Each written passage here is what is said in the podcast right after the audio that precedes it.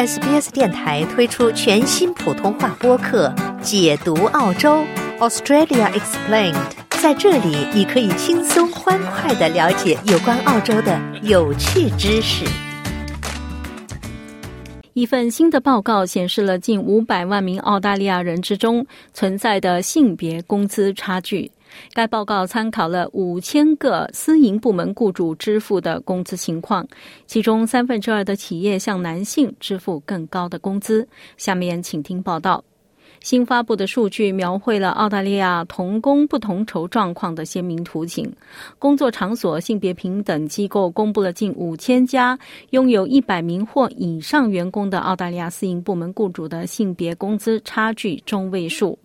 玛丽·伍德里奇是该机构的首席执行官。For employers, uh, this does set a benchmark on their progress, and it's fair to say some are very focused on that, um, and others uh, still need to turn their minds to it. 对于雇主来说，这确实为他们的进步设定了一个基准。公平地说，有些人非常关注这个问题，而另一些人仍然需要开始注意这个问题。他们还有更多的工作要做，以便他们能够提升员工对工作的体验。每个雇主的解决方案都会有不同。但它确实需要分析、规划、参考 KPI，并且确实需要一个团队来领导流程、推动变革。数据发现，在全国范围内，基本工资中位数性别工资差距为百分之十五。如果算上奖金、佣金和加班费，这一比例将增至百分之十九，每年相差一万八千澳元。最大的薪酬差距出现在男性主导的行业，比如建筑、金融、工程和法律。调查发现，差距最小的是酒店业、艺术、教育以及女性领导职位较多的公司。妇女部长凯蒂·加拉格尔表示，显然有必要做出改变。We need to be honest about it. It's not about shaming. It's not about naming. It's not about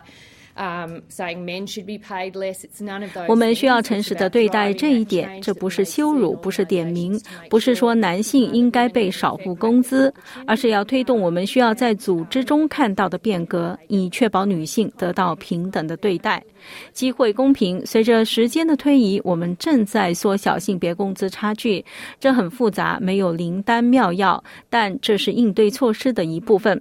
该机构发现，违规行为最严重的是捷星航空、澳洲航空和维珍航空等航空公司，而澳大利亚一些大银行的违规率几乎是全国平均水平的两倍。澳大利亚最大的私营部门雇主 w 沃 s 的薪酬差距接近中性，为百分之五点七，而 c o s 是百分之五点六。尽管遭到联盟党后座议员马特·卡纳万的反对，但是数据的公布还是在两党的支持下得以实现。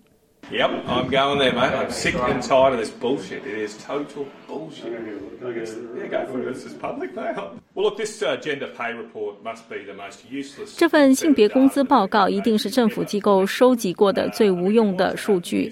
如果我们想要有关性别工资差距的有用信息，我们就需要搞清楚有一些人是兼职或者做全职工作的事实。这份报告甚至没有做到这一点，它没有区分全职工。做和兼职工作的人的工作时间，但是反对党领袖苏珊·雷不同意卡纳万的观点。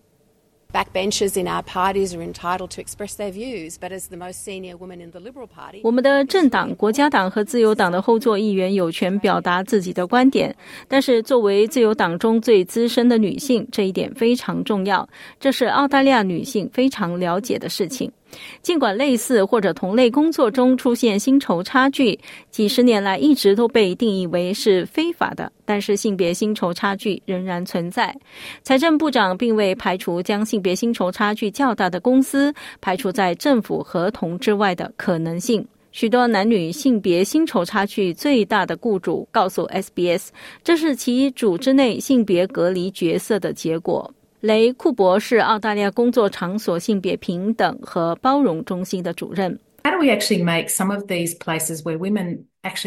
我们如何真正让这些女性人数不多的地方对女性更加友好，并且更多的反映她们在职业生涯中想做的事情的类型？高度女性化的行业的另一面是让男性进入这些领域，并使他们更加容易被接受和欢迎。